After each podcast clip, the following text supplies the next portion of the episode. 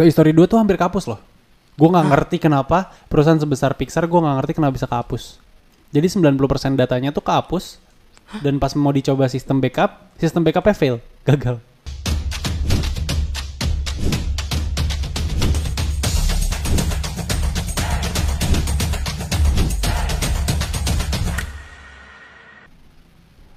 Oh ngomong-ngomong tentang kayak lidah, kayak perlakuan jahat gitu, ini tuh nyambung banget sama teori Toy Story. Wah, apa nih?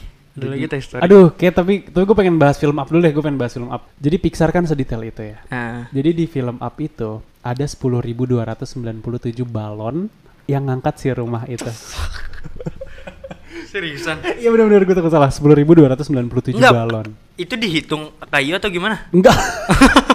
gue nggak ngitung, tapi maksudnya Pixar itu sehebat itu yang dia tuh bukan cuma ngegambar bagian luar kan maksudnya kayak kalau kita ngegambar ini ya kita gambarnya tirai. Iya, gitu. iya. Nah, Pixar tuh kayak udah mengkonsepkan di balik tirai ini apa. Jadi kayak Oh. Kayak itu tuh balon di luar emang digambar, tapi mereka bener-bener ngitung berapa banyak balon yang kuat untuk mengangkat rumah ini. Rumah ini luasnya apa, dal- luasnya sebesar apa, dalamnya kayak gimana, beratnya berapa, itu dihitung semua. Jadi kayak nggak sesimpel nggak sesimpel cuma toh luarnya gue gambar terus adanya aja itu. Ini ini kalau nggak salah ini confirm by Disney. Aku perta- pertama kali di otakku yang pas angka itu keluar, kenapa harus sepuluh ribu dua eh sepuluh ribu? 10.297. Nah, kenapa harus angka menurut gue fisik, fisika. Oh, karena ada hitungannya. Iya, untuk menurut gue kehitungan sebelah fisika gitu. Jadi kayak feeling gue pas ditembak dia juga bener-bener ngitung, nggak toto Tak, hilang berapa, ha, pas toto turun, toto terbangnya di, di segini doang, wow, wow. ya kan? Itu gokil sih. Kalau bener-bener sampai sedetail itu wah gokil sih. Keren Dan kan? Itu parah sih. Karena bener-bener dihitung karena kalau kita nonton ya ya udah Ya udah bodo amat. Iya, karena Maksudnya kayak- sepanjang itu. Kayak ih Disney tuh sedetail itu, ya. kayak nggak ada yang peduli sama berapa banyak balon dihitung. Terus kayak dia bikin baju aja, kan baju suka ada bulu-bulu gitu kan, bulu-bulu itu digambar, ih itu keren Oh, iya. banget gila. Eh, kalau kalau di di up itu ngomongin up, eh, jadi sadar nggak sih ada boneka Lotso di film up? Tahu gue inget yang itu pas terbang pertama. iya, jadi banget. pas di rumah rumah ini lucu banget sih. Aku pas lihat ini kayak wah ternyata ada beneran loh. Jadi pas rumah ini baru banget terbang, kayak baru putus-putus dari tanahnya gitu. Terus dia tuh ngelewatin beberapa rumah gitu kan, beberapa apartemen gitu kayaknya deh. Terus ada salah satu kamar anak kecil dan Tahu anak gue. kecilnya itu lagi mainan-mainan gitu. Nah di pojok kasurnya itu tuh ada si Lotso. Dan mirip banget. Dan itu spoiler untuk film selanjutnya, ya kan Toy Story 3. iya, Toy Story Iya, 3 dan bener-bener. beneran ada dan bentuknya sama dong. Dan Menurut kalian itu sengaja atau enggak? Sengaja, pasti sengaja. Iya sih. Dan kayak ya gitu makanya yang, yang gue bingung apakah Pixar akan jadi kayak Marvel, kayak disatuin semua nggak tahu juga. Ih, tapi kok menurutku kalau misalnya bener-bener sedetail itu, bener-bener hal itu semua diperhitungkan, Pixar salah satu eh, Pixar salah satu yang terbaik menurut gue. Iya orang jadi yang terbesar dan Karena seharusnya kayak, kayak ngapain sih itu dipikirin gitu loh. Hmm, Ya dan kan? Logikanya tuh ngapain sih dipikirin? menurut lo make sense nggak kalau jawabannya tuh salah satunya adalah itu hasil tangan Steve Jobs. Iya kan Pixar ditemuin sama Steve Jobs. Tau gue ya, gue tuh salah deh. Tapi menurut lo nyambung gak sih kayak sehebat itu salah satu itu karena diciptakan sama Steve Jobs. Menurut gue nyambung nih karena Steve Jobs tuh sedetail itu gitu. Dan seperfect itu kan. Iya kayak perusahaan terbesar sekarang yang punya Steve Jobs. Salah satu perusahaan terbesar si Apple. Dan Yang punya pendiri maksud gue. Tapi impact apa yang dia keluarkan ke Pixar? Dia ya ya penemu pendiri. Iya sih. Tapi untuk memperhatikan detail itu, kayaknya dia nggak nggak nggak ini nggak sih? Dia sih menurut gue. Budayanya di- Otak budaya. diciptakan sama dia gitu. Anyway ngomongin Toy Story. eh lo tahu kan yang Sid yang orang jahat itu, yang pakai yang baju Oh. hitam yang nyiksa mainan. Jadi si Sid dari Toy Story itu akhirnya jadi tukang sampah di Toy Story berikutnya. Iya, jadi eh ada di di Toy Story 2 atau 3 gitu ada tukang sampah tuh yang lewat, yang lewat terus dia kayak ngambil sampah gitu dan bajunya tuh kayak baju yang sama yang dipakai Sid di Toy Story 1. Yang tengkorak gitu kan sih? Iya. Oh, iya, nah, iya, jadi iya. ini dikonfirmasi sama Disney dan mungkin yang gua ambil pesannya adalah kayak ya apa pun yang lo lakuin balik lagi ke obrolan tadi gitu kayak apa pun yang lo lakuin kalau misalnya itu jahat pasti kecatat dan lo kena balasannya gitu. Iya sih. Dan yang tukang sampah itu lewat depan rumah Andy ya. Jadi Iya, ya tukang ha, sampah itu tuh selalu ngeliat rumah rumah Andy dan aku kaget sih pas tahu itu. Dan- Tapi ngeba ngebahas ngebahas karma du- dulu ya jujur pertama kali ka- istilah karma itu meledak aku sempat nggak setuju tau. Kayak karma tuh Iya kayak karma tuh ada tahun-tahun di mana itu bener-bener berledak banget. wah kacau. Itu tuh sampai karma karma karma terus dari India gitu kan kalau nggak salah ya. ah nggak tahu gua. Kayaknya sih mungkin kata entah Buddha atau apa gitu. Jadi apa pun yang lu tanam lu bakal petik juga gitu loh. Hmm. awal-awalnya tuh aku nggak setuju nggak aku lupa ya alasan kenapa aku nggak setuju. Tapi karena menurutku nggak ada aja gitu. Iya kayak lu ngelakuin itu ke gua terus pasti suatu saat kebalas. Ya enggak juga. Itu ya semua kan dari diri lu aja. Ya nggak sih? Misalnya lu tapi jatuh sekarang setuju nggak nggak sesetuju itu. Kayak misalnya eh lu aku aku nyelengkat ke Iyo nih. Trak jatuh gitu. Terus tiba-tiba one day Hmm. ada aku yang nyelengkat lo enggak tiba-tiba one day aku kesandung sendiri. Terus dia Hmm. bilang ah mampus lu karena lu kemarin lu kan itu. Terus aku mikir enggak kok itu kan emang dia hati-hati aja. Nah, eh dibilang pasti atau enggak, gue juga nggak tahu kan itu Ah. greater power kan. Nah, jadi eh yang gue ambil adalah karma tuh menggambarkan kalau dunia tuh semuanya ter berhubungan gitu. Jadi ada satu teori namanya butterfly effect. Itu bukan paradoks, bukan apa itu kayak teori aja filosofi gitu. Nah, itu sebenarnya nggak terlalu populer di Indonesia tapi di Amerika populer banget. Jadi butterfly effect itu menggambarkan kalau dunia itu semua berhubungan. Balik lagi ke karma tadi. Jadi contoh butterfly effect adalah jadi ada saintis yang pernah meneliti kalau kalau ada di tempat dan di di titik yang tepat, di waktu yang tepat dan di saat yang tepat satu kepakan sayap butterfly apa namanya kupu-kupu itu bisa meng- menghasilkan puting beliung wow tornado. Iya karena eh ya intinya di, di saat yang tepat itu bisa kayak roll effect kayak snowball effect aja makin lama makin gede makin gede makin gede jadi tornado gitu. Nah itu itu kejadian juga di dunia nyata gitu. Jadi misalnya kayak kayak kayak misalnya gini temen lu main IG terus ngelihat story terus nge-share ke lu terus akhirnya lu lu kontak gue akhirnya gue kontak lu akhirnya lu ke sini akhirnya kita bikin something yang besar Iya. itu butterfly effect gitu hal terkecilnya apa temen lu main IG doang Wah, iya gitu sih. terus kayak eh ada waktu itu kayak ada orang yang ngegol ngegolnya pakai tangan Diego Mar- Maradona. Bukan Maradona bukan bukan. Yang baru-baru. Gue nggak tahu pakai tangan atau kayak ilegal gol atau apa gue nggak ngerti. Habis itu pas gol jadi kayak gini gini gini gini gini gini dan puncaknya adalah Messi ke PSG iya dan itu butterfly effect gitu. Dan ada juga Logan Paul kan sekarang jadi boxer gitu gitu. Dia dia dia tinju lawan petinju terhebat di dunia. Nah itu tuh awalnya dari si Joel ah, bukan Joeler sih. Ada satu youtuber di UK di di Inggris yang dia tuh mulai YouTube dan sebelum dari YouTube dia di McD jadi butterfly effect-nya adalah kalau misalnya dia nggak resign dari McD dia nggak bakal dia nggak akan latihan boxing. Dan kalau nggak latihan boxing eh dia nggak akan masuk YouTube. Dan kalau nggak masuk YouTube dia nggak akan boxing. Dan kalau nggak boxing dia Nggak nggak boxing sama si Joe Weller. Kalau nggak salah terus dari Joe Weller nggak bakal boxing sama KSI KSI nggak bakal boxing sama Logan Paul. Logan Paul nggak akan boxing sama Floyd Mayweather.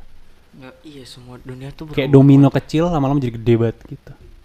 Iya sih bener sih. Aku setuju dunia itu berhubungan banget karena semuanya pasti terhubung dan Ah. nggak terpisah. Iya jadi kayak masterpiece terbesar tuh cerita Tuhan gak sih?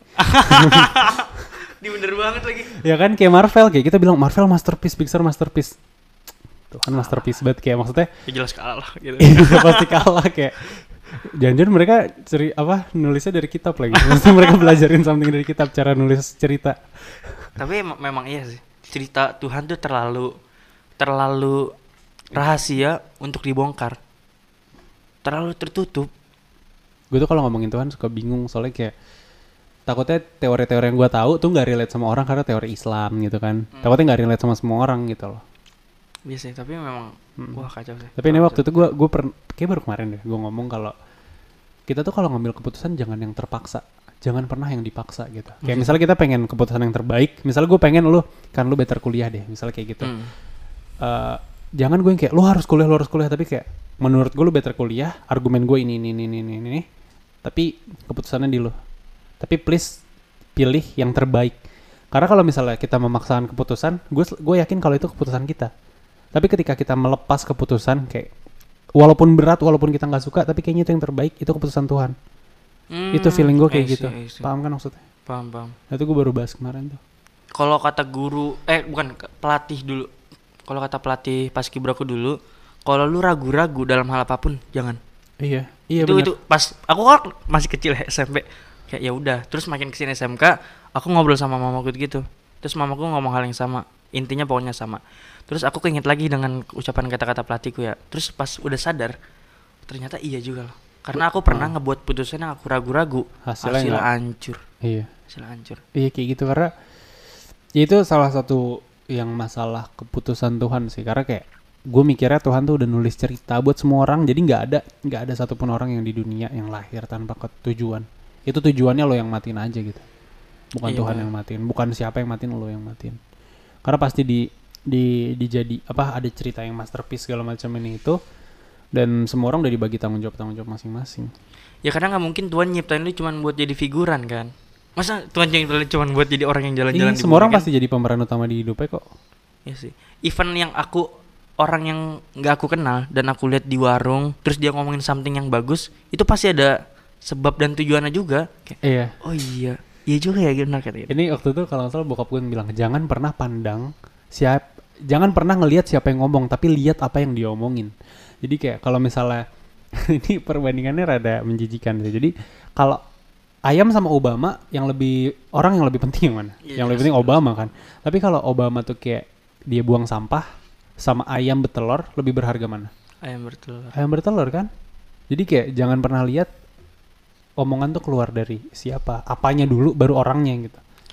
Tapi banyak kebanyakan orang Ngelihat pasti berat, siapa. berat. Kayak misalnya ya, misalnya. Ini sorry to say, misal aku punya gelar S1. Hah. Terus ada anak SMK atau something yang ngomongin hal yang sama apa yang aku ngomongin. Pasti lebih berat di lo. Pasti lebih berat kayak enggak ah. Paham. Iya kan? Pasti Paham. banyak orang gitu. Enggak bergelar pun dengan yang setara pasti berat juga. Kayak kita ngerasa tuh manusia tuh emang egonya besar ya. Kayak gue lebih better dibanding lu, gue lebih better. Pas dengar orang dari itu kayak kayaknya enggak deh, kayaknya enggak deh. Padahal bisa jadi bener. Makanya pas kata-kata itu luar memang penting banget untuk mendengarkan apa kata orang. Tapi di sisi lain memang berat. Kita tuh nggak bisa semudah itu nerima orang. Karena kita ngerasa kayak jeleknya kita ya, mungkin jeleknya manusia juga. Kita ngerasa kayak udah oh enggak ah gue udah tahu lebih tahu dibanding lu misalnya gitu kebanyakan orang ya mostly enggak enggak semuanya tapi aku ngerasa kebanyakan orang kayak gitu makanya sulit banget untuk jadi pendengar Iya benar. Itu gue setuju banget. Gue setuju banget. pendengar. Sulit untuk menjadi mendengar. karena pasti kita mau ngomong terus Mau ngomong dan ketika kita ngomong kita nggak add value ke diri kita gitu. Kita Iya add value ke orang lain.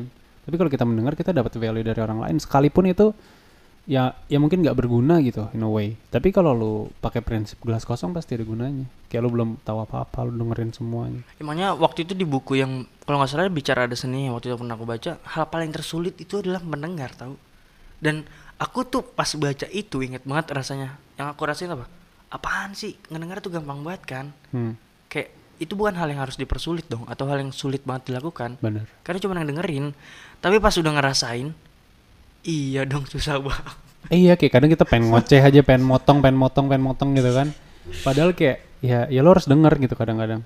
karena kadang-kadang aku aku tuh kayak tertamparnya ketika ada orang yang aku lihat biasa aja terus tiba-tiba omongan itu keluar dari mulutnya terus Wow. anjir Iya.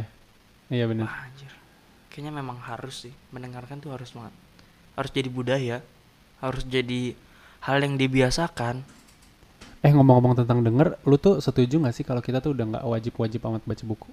Tadinya gue tuh mikir kayak, aduh, orang sukses pada baca buku gue kayak Iya, harus baca itu buku. yang pernah kita Pernah kita bahas, perdebatkan iya. kan Lu gimana?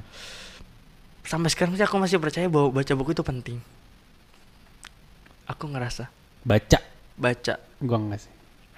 Medianya beda cuman menurutku baca buku tuh ada seninya aja nggak tahu Ada seninya, tapi bukan berarti value-nya berbeda. ya betul lu bisa dapetin ilmu di handphone lu bisa dapetin ilmu di laptop lu bisa dapetin ilmu di YouTube nggak harus dari buku itu setuju tapi menurutku ketika lu baca buku itu ada nilai yang lu dapat dibandingkan lu belajar dari hal lain menurutku menurutku Iya tapi maksudnya kayak kalau misalnya kita denger buku kan bisa.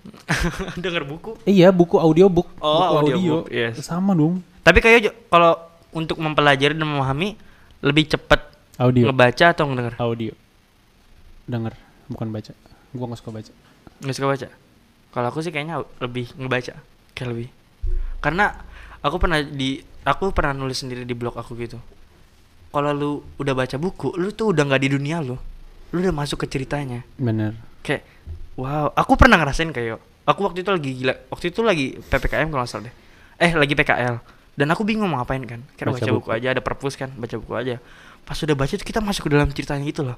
Aku ngebayangin bahwa aku pernah baca Sherlock Holmes aku ngebayangin London tuh kayak gini. Aku ngebayangin dia tuh keluar rumah kayak gini. Aku ngebayangin pas dia lagi duduk di sofa kunonya kayak gini. Karena ketika lu udah baca buku lu udah nggak di dunia lu.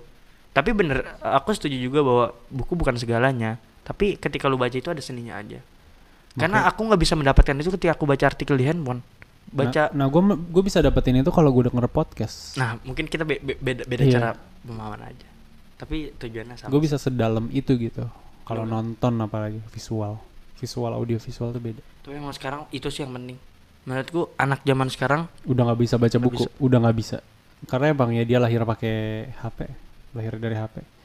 ya iyalah dia ngeliat sekelilingnya HP semua gimana mau baca buku kan ya berat aja lu udah di dunia yang Ih gimana nanti ya pendidikan ya? mana itu Apalagi anak SD yang baru masuk pas covid. Ih belum pernah ngerasain SD sampai sekarang. iya kan? iya deh aku juga gitu lagi Ada lu kayak gitu. Nah ntar kayak gimana tuh? makanya itu kan Apalagi sekarang di rumah HP terus HP terus ntar masuk sekolah baca buku apaan ini? Papan tulis apaan? tapi Nadim juga pernah bilang kan semuanya itu harus di online kan digitalisasi Di digitalisasi bener. semuanya oh yang ngomongin anak SD eh, dan digi- digitalisasi oleh Nadiem Makarim aku masih mau ngebahas kartun eh, zaman sekarang deh kayaknya eh, kartun-kartun zaman sekarang kan memang kayaknya nggak seramai dulu ya kartun-kartun sekarang tuh Kartun pagi. kartun apa pun itu ngerasa nggak sih Ah, iya. Ya Dan- karena dulu anak kecil nontonnya kartun doang. Sekarang udah ada YouTube. udah apa. banyak mainan-mainan Iya. dan Doraemon dan aku ada ada eh, Haydin Haydin dong Hidden, Hayden hidden. hidden pokoknya sesuatu yang tersembunyi lah ya. di film Wall-E tepatnya sih di film Ratatouille Ratatouille Ratatouille Ratatouille. ah Ratatouille nah itulah jadi di apartemen kan ada tuh scene eh, di mana si tikus ini masak sendiri di apartemen terus tiba-tiba dia pergokin sama si si cowok itu Heeh. nah terus pas lagi masak dia masukin bumbu-bumbunya si cowok ini terus keluar keluar pintu Heeh. Nah pas keluar pintu itu tuh ada satu hewan yang kelihatan banget sebenarnya.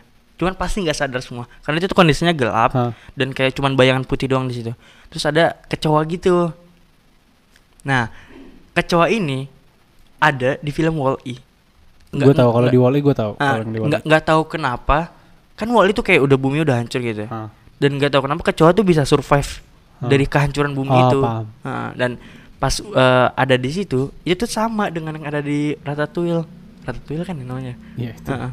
Dan persis sama dia jadi teman Wall-E di di film Wall-E itu. Jadi Dan emang emang katanya kecoa itu yang Kecoa emang juga. kuat. Nah, Ah. katanya kalau udah nuklir segala macam tuh Dia masih mati. kuat. Itu iya. itu kenapa sih? Tahu nggak sih? Nggak tahu kayak daya tahan tubuhnya aja beda sih. Dan Setahu katanya juga aku, aku pas kayak eh, kemarin bilang kecoa adalah paling impactful di bumi. bukan aku- paling impactful, sangat impactful. sangat impactful di bumi. Aku eh, nyari juga sih baca artikel juga karena dia tuh kayak pengurai bakteri gitu si Iya, kecoa pengurai tuh. bakteri terus banyak hal lah. Dia melepaskan something ke udara gitu-gitu setahu gua. Oh, iya. Setahu gua, nggak tahu juga sih. Dan Cuma yang dia- jelas impactnya gede. Dia nggak nggak nggak punya mata kan? Kayak pakai antena gitu kan dia buat Gua jalan nggak tahu sih. Gua nggak gua nggak terlalu paham. tentang kecoa. ya nggak terlalu paham gua ngapain gua paham tentang kecoa. Jadi banget. mending, mending bahas Toy Story daripada kecoa. Ah, boleh, Jadi boleh. Toy Story 2 tuh hampir kapus loh. Gua nggak ngerti kenapa Hampir kapus? Iya, perusahaan sebesar fix Pixar. Perusahaan sebesar Pixar gua nggak ngerti kenapa bisa kehapus. Jadi 90% datanya tuh kehapus dan pas mau dicoba sistem backup, sistem backupnya fail, gagal. Serius. Kita aja punya data backupan kan. Nah, gua nggak ngerti kenapa mereka bisa backup bisa backupnya gagal. Mungkin mereka nggak bisa kayak enteng kita kayak di Google Drive atau apa. Pasti mungkin bisa. takut dihack gitu-gitu kan. Jadi mungkin sistem backupnya bener-bener kayak punya ruangan sendiri atau mesin sendiri kan supaya nggak dihack, nggak diapain. Itu tuh gagal. Terus sempet sempet kayak ka- jadi kalau sistem backupnya berhasil, Mm. dia cuma kehilangan setengah hari kerja. Tapi karena ini gagal, jadi 90% kerja tuh udah hilang dan akhirnya kayak hampir gagal. Cuma untung ada salah satu orang direksi atau apanya Pixar yang dia tuh nyimpen secara pribadi diem-diem gitu. Dia nyimpen emang biar aman aja. Udah kayak rekening aman gitu. Jadi kayak dia nyimpen data aman, akhirnya kayak udah bisa lagi. Wah, dia berjasa banget dong ya. Iya, jadi hampir nggak hampir nggak tayang gitu.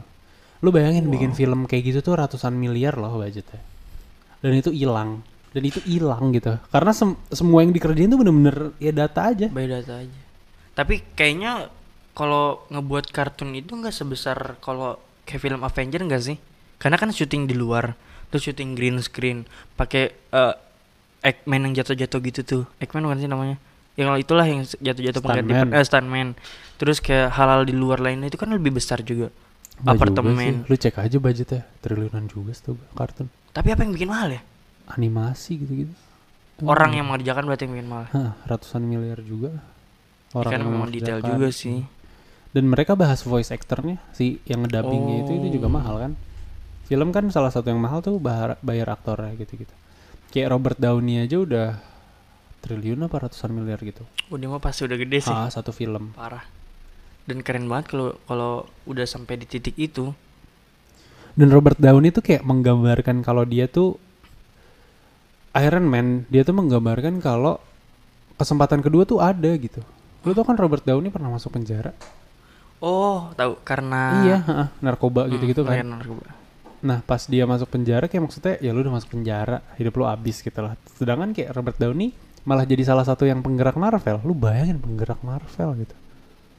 Sebesar itu. Iya, jadi jadi salah satu orang besar di film termahal, film tersukses di dunia gitu.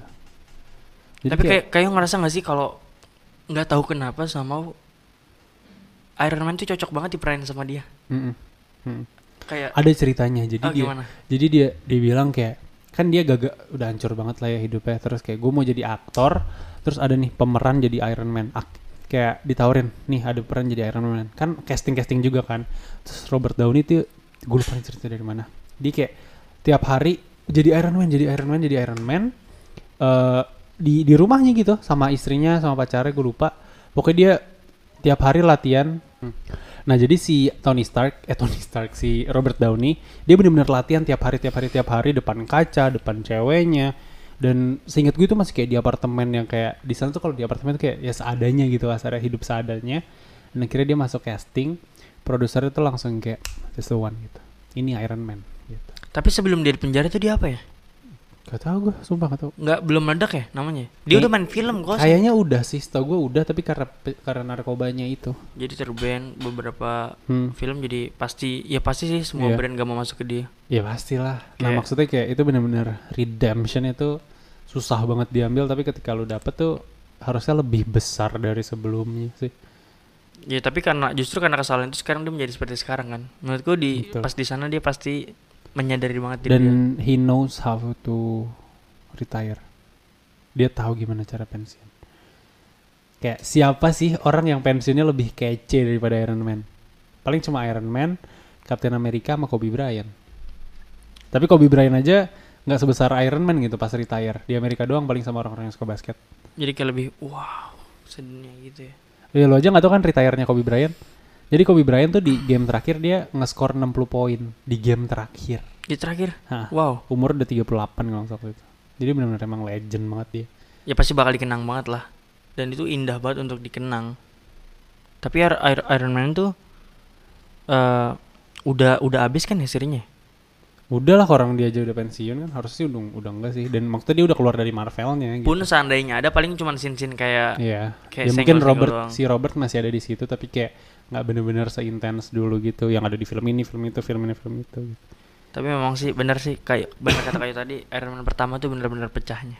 Karena pas Dibilang pecah sih nggak pecah banget ya, tapi kayak Tapi- maksudnya pecah pertama kayak kayak masterpiece awal gitu. nonton- Iya sih. Itu apa eh, titik-titik hancurnya. Hancur. Titik hancur meledak Marvel Oh, gitu oke, loh. paham, paham, paham. Ah. Anyway lu pengen bahas hubungan gak sih? Gue pengen bahas hubungan. Oh, boleh boleh. Iya sih. Jadi kemarin tuh kita gue sempat nanya-nanya kayak pertanyaan yang semua orang tuh kayak jawabannya tuh susah gitu. Susah banget jawab. Lebih baik Seling- diselingkuhin atau Selingkuh. Lo apa? Um, ini berat banget sih. Pasti berat banget jawab. Tapi aku lebih memilih diselingkuhin. Kenapa? Karena aku tidak mengkhianati sih. Kayaknya kayaknya kalau kita bersalah tuh lebih nggak enak ke orang juga gitu. Sama sih. Gue juga mending diselingkuhin karena once gue diselingkuhin tuh yang sakit gue dan gue lebih baik gue yang sakit daripada orang yang sakit. Ngerti gak sih? Dan kayak lu tahu kalau dia tuh sakit gara-gara tangan lu sendiri. Hmm. Ya kan itu Nice. tuh kayak ya berat aja gitu dan kayak gimana ya? Tapi apakah kayu bisa maafin orang itu? Enggak. Eh iya, iya bisa. Tapi, Tapi- gue gak akan lanjutin hubungannya. Kalau dia selingkuh. Berarti kayak udah gua nggak mungkin sama lo lagi kalau udah selingkuh. Berarti nggak ada kesempatan kedua. Nggak ada. Wow. Nggak tahu. Nggak tahu. Kayaknya ada. Cuma gue gak mau. Kayaknya ada. Kayaknya berat banget. Kayaknya ada. Berarti kesian untuk mereka yang punya track record udah pernah selingkuh. Iya gak sih? Kalau udah pernah selingkuh gue masih bisa terima sih. Tapi kalau Selingkuh lagi. Kayak maksudnya diulang nggak? Intinya kan di situ. Kayak lu dulu tukang mabuk-mabukan misalnya dan lu mau berhenti. Ayo gue bantuin tapi di, jangan diulang. Sama kayak selingkuh gak sih? tapi hal yang apa hal yang paling penting dalam hubungan? Banyak. Salah satunya tuh honesty, kejujuran sumpah. Dibandingkan kepercayaan. Kepercayaan timbul dari kejujuran. Hmm. nggak bisa ada orang yang percaya kalau pasangannya tuh bohong mulu. Aku percaya sama kamu, aku nggak mau lihat HP kamu. Tapi pasangannya bohong mulu. Hmm. Gue tuh di titik kayak, lu mau lihat HP gue itu bodo amat, bodo amat sumpah. Dia tahu semua password gue gitu. Dan Iya kayak sih. gue udah mager aja ngecek HP HP. Ngerti gak sih? Kayak udah nggak nggak- Udah bodo sih? amat, ya ngapain lah gitu. Karena banyak orang yang bilang lebih baik gua nggak tahu dibanding tahu gitu. Nah itu yang bahaya, itu yang bahaya kayak lebih baik gue gak tau ya enggak gitu lah. Lu kalau tau nikah sama dia terus pas lu punya anak ternyata dia udah punya anak, Eh, iya juga. Atau cowok lu tuh cewek lu punya anak dari iya, iya gimana? Pasti harus terbuka sih. Iya makanya. Ya makanya tuh kejujuran emang salah satu hal yang paling penting. Dan somehow tuh kayak nggak tahu sih gue bingung. Kalau gue diceritain tuh kayak sebanyak itu gitu orang-orang yang brengsek di hubungan. Artinya Oh sama ini. Ini sih pertanyaan menarik. Apakah harus di usia muda kita punya hubungan sama orang? enggak. Enggak. Kenapa dan kenapa kayak menjalani itu? Kenapa gue menjalani ini? Kenapa nggak harus punya hubungan dan kenapa kayak menjalani ini? Itu ya. Menurut lo harus nggak bisnis di usia muda? Enggak. Lu tahu pressure-nya sebesar apa? Mm-mm, bener. Dan lu tahu pressure-nya hubungan sebesar apa? Hubungan itu asik. Tapi pas lu mau take it serious, Wah itu berat banget. banyak banget yang dikerjain. Jadi lu nggak bisa kayak gue mau pacaran. Kayak lu mau pacaran, mau nikah nggak? Enggak. Kayak cuman mau Ngapain gitu? Ngapain pertanyaannya? Ya silahkan, tapi maksudnya kenapa lu menjalankan sesuatu yang lu tahu akhirnya tuh nggak ada? Kenapa lu naik mobil kalau lu tahu lu bakal berhenti tengah jalan? Lu tahu bakal mogok tengah jalan ngapain? Mending benerin dulu cari yang tepat. Kayak bisnis ngapain lu pengen punya bisnis? Kalau tujuan lu tuh cuman kayak ah ntar tahun depan gue pengen bangkrut. Nggak jelas nggak ada kan kayak gitu. Iya sih benar. Dan makanya kayak gue gue berusaha berempati tapi kasihan juga sama teman-teman gue yang pacaran beda agama. Wow. Ini menarik banget sih. Iya kayak ya sedih aja gitu ngeliatnya kayak lo ngejalanin sesuatu yang lu tuh serius banget di situ tapi lu tahu tujuan itu nggak ada Iya sih. Karena kalau udah gitu pilihan cuma dua, lu ke sana atau dia ke sini, atau atau enggak atau atau dua-duanya. cancel Iya. Dan ke- eh, kemungkinan terbesar adalah cancel kan. iya kemungkinan terbesar cancel gue ada tuh teman positif banget pacarannya positif banget tapi beda agama sedih Wow. aja gue ngeliatnya sedih banget gitu Iya sih, tapi em- memang eh itu sih yang bener yang pertanyaan itu sebenarnya yang harus dijawab banget sama teman-teman yang lain. Apakah harus kita punya hubungan itu? Dan seandainya harus seandainya lu menjalani untuk apa? dan tahu nggak sih gue jawab sisi positifnya ya sisi Iya. negatif itu banyak jujur Hmm. banyak banget karena emang berat terus banyak lah banyak Dan masa- kenapa dijalanin? gitu? Kenapa dijalanin? Karena bayangin lu sukses dan lu mencari pasangan pas lu sukses. Dia sayang sama lu atau sayang sama kesuksesan lu? Kalau sayang sama lu, lu cuma ada satu. Tapi kalau sayang sama kesuksesan lu, kesuksesan lu dimilikin sama banyak orang kok. Misalnya nih, kayak studio ini udah punya puluhan juta subscriber. Emang nggak ada yang lain? Banyak kok yang punya puluhan juta subscriber. Tapi Betul. seorang Harry itu di mana lagi selain gue? Gue doang. Makanya kayak gue ngejalanin dari sekarang ya karena gue belum siapa-siapa ngejalaninnya. Dan pas gue udah ya alhamdulillah gitu udah punya something ya kayak ya gue tahu dia emang udah sama gue bukan sama suksesnya Hmm. gue itu yang menurut gue berat. Gue nggak kebayang misalnya gue tanpa dia gue nanti nyari. Mau itu pasti udah. iya mau yang mananya gitu. Dan harus kayak pasti kan ada ada ada saat-saat susah kan di hidup ya. Walaupun orang sesukses apa juga pasti ada saat susah. Kalau misalnya kayak amin gitu gue sukses kita sukses dan dan gue dapet pasangan nanti pas sukses terus gue dapet hal yang susah gitu. Entah financial drop entah bisnis masalah segala macam atau masalah-masalah lainnya. Apakah dia bakal stay? Kan ketahuannya di situ. Hmm. ketahuannya di situ. Kalau dia bener-bener mau sama gue dia bakal stay. Tapi kalau dia bener-bener mau sama uangnya gue doang di situ dia pergi nyari yang lain. Dan apakah gue bisa kuat ngejalanin itu? Lagi drop drop drop drop drop drop drop personal lu kacau. Ih gua nggak kebayang Tapi kan profesional dan personal itu bisa dengan hal personal kan. Terus kayak Hmm. bilang tadi ini emang ada beberapa hal negatifnya. Dan ketika hal personal ini ngasih impact yang negatif, apakah meng- nggak mengganggu profesionalnya? kalau gue pribadi gue sebisa mungkin ngebatasin Maksudnya? ngebatasin kayak lu mau masalah sebesar apa gue batas lu nggak boleh masuk profesional tapi kadang kalau udah capeknya di batin itu kebawa Iya kan? jadi yang yang gue kan? bilang jadi bego itu tuh kebawa sebenarnya bukan itu kan pasti. bukan masalah kayak gue juga selalu mikir ini kayak malas itu bukan sifat. Malas tuh bukan sifat gitu. Kayak malas itu selalu ada sebabnya. Selalu ada sebabnya. Entah lu stres entah lu nggak suka yang lu jalanin entah lu lagi capek.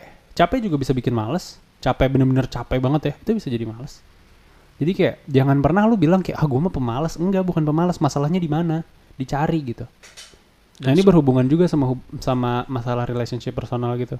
Gue jadi malas ngelakuin ini itu. Ya bukan karena gue malas, orang gue semangat banget. Tapi kenapa gue jadi malas? Karena ada masalah ini itu ini itu. Dan harus diselesain aja gitu. Nah itu menurutku kayak hal-hal itu bisa mengganggu hal yang profesional kita kan. Makanya Benar. apakah harus kita lakukan itu di usia muda? Memang enggak, tapi Tapi sangat- apakah lu bisa handle itu saat lu udah di usia tua nanti? Belum tentu. Iya sih. Iya benar. Karena menurutku makanya itu hubungan tuh memang semenarik kita untuk dibahas sih.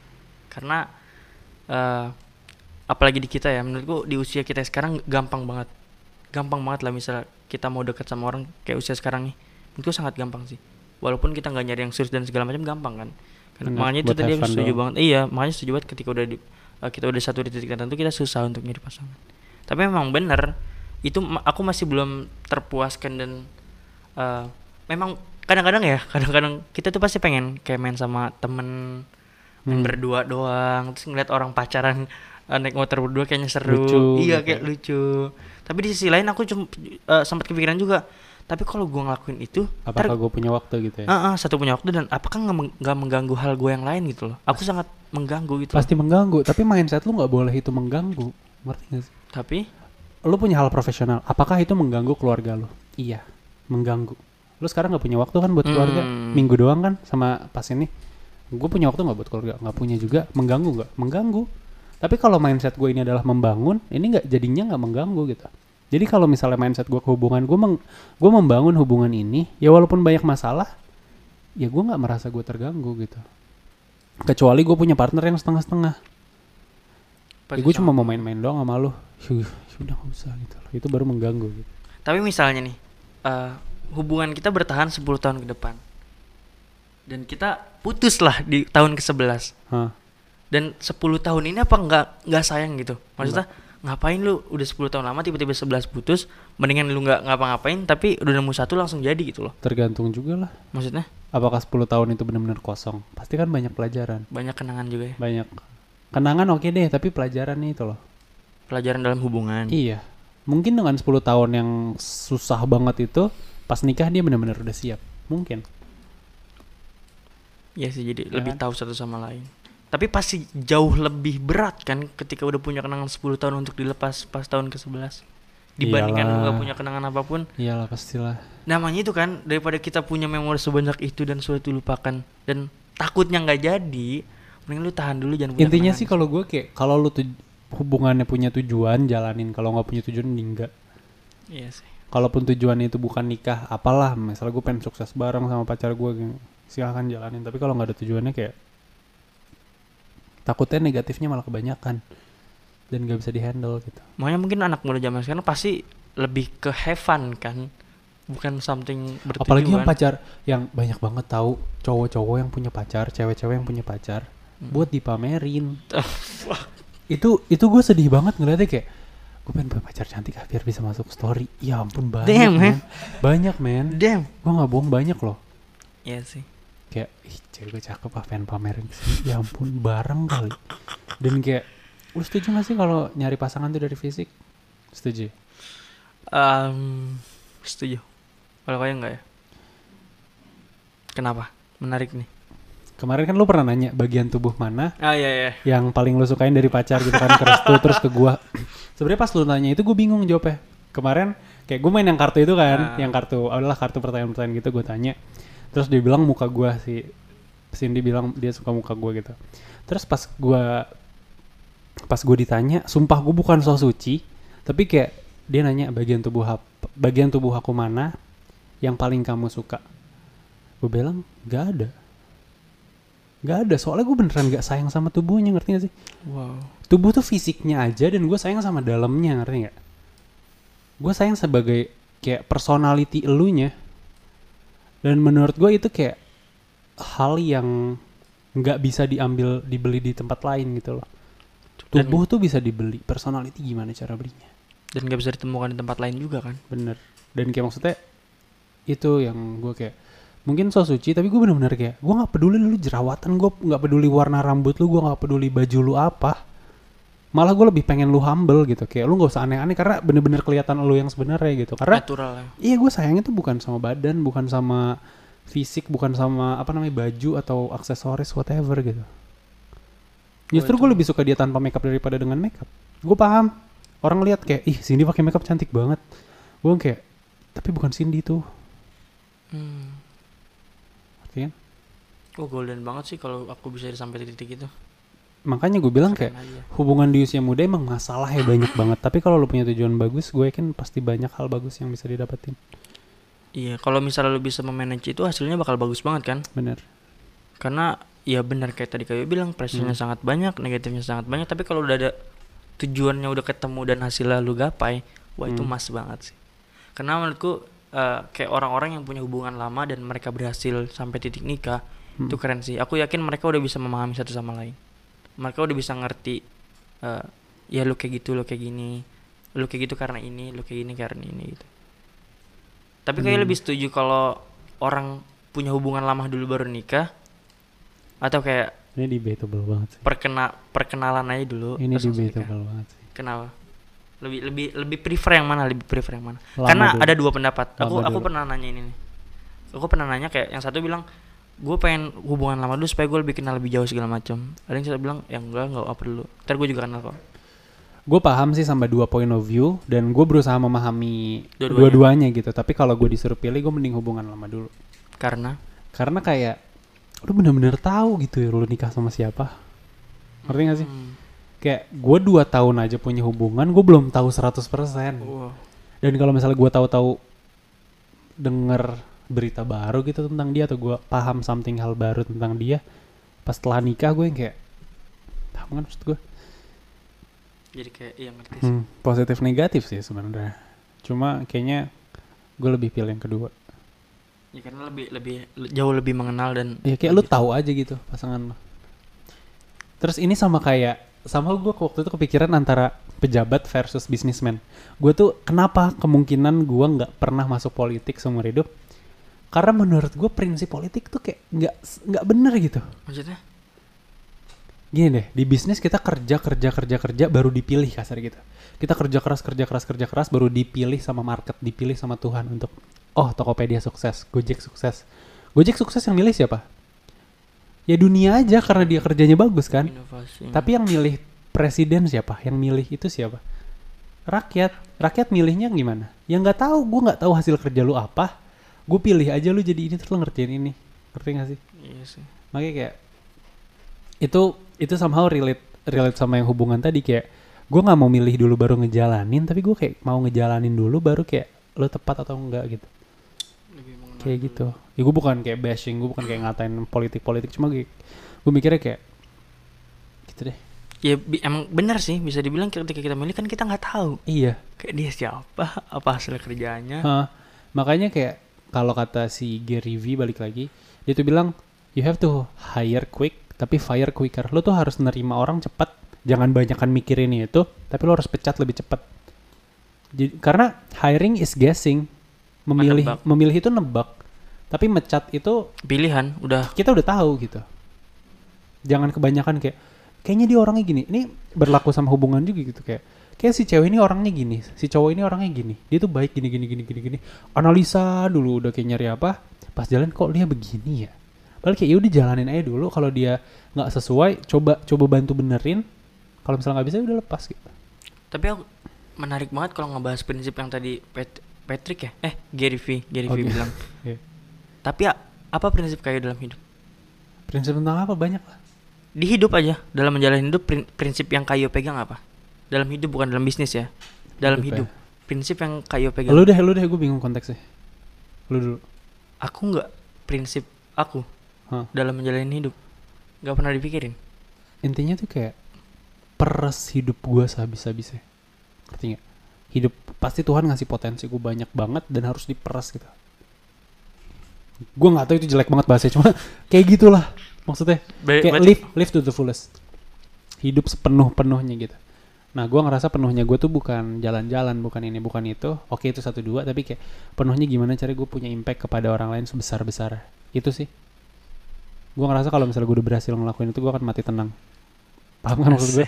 Iya sih Gue bukan pengen dikenang, gue pe- bukan pengen diingat segala macam. Gue cuma pengen impact gue tuh ada aja.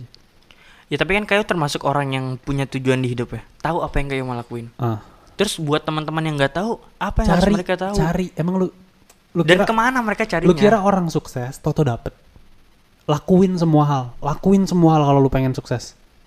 Cobain basket, cobain olahraga, cobain volley, cobain seni, ngelukis, nyanyi, gambar, bikin konten semua, cobain bisnis, jualan baju, jualan es mambu, apa pun, sumpah, cari. Lu pasti nemu deh kliknya. Dan kalaupun itu bukan tujuan akhir lo, pasti nanti diarahin lagi sama Tuhan, diarahin lagi sama Tuhan. Jangan tau-tau kayak duduk, diem kayak tujuan gue di mana sih? Ah, ya mager banget gue main apa ya dah. Jangan kayak gitu, cari, cari. Nyari diri sendiri tuh kadang emang harus di luar. Tapi kadang kalau kita kebanyakan ngeliat keluar, kita lupa ngeliat diri sendiri itu harus balance juga. Kadang kita kayak ngejar ini, ngejar itu, ngejar ini, ngejar itu, kita lost, kita lupa. Duh, gue nggak bahagia banget sih, gue nggak ini sih, gue punya, gue udah punya duit banyak kok, gue nggak bahagia kok, gue udah, gue udah punya employee banyak kok, gue nggak, gue nggak fulfilled ya. Itu kadang orang lupa ngeliat ke diri sendiri kayak, lu lihat, lu lihat ke kaca siapa lu sebenarnya gitu. Kadang orang tuh ada yang terlalu ngejar dia lupa diri sendiri, ada yang terlalu ngeliat ke diri sendiri, jadi kayak ngerendahin segala macam, tapi lu jadi nggak pernah nemu gitu diri siapa.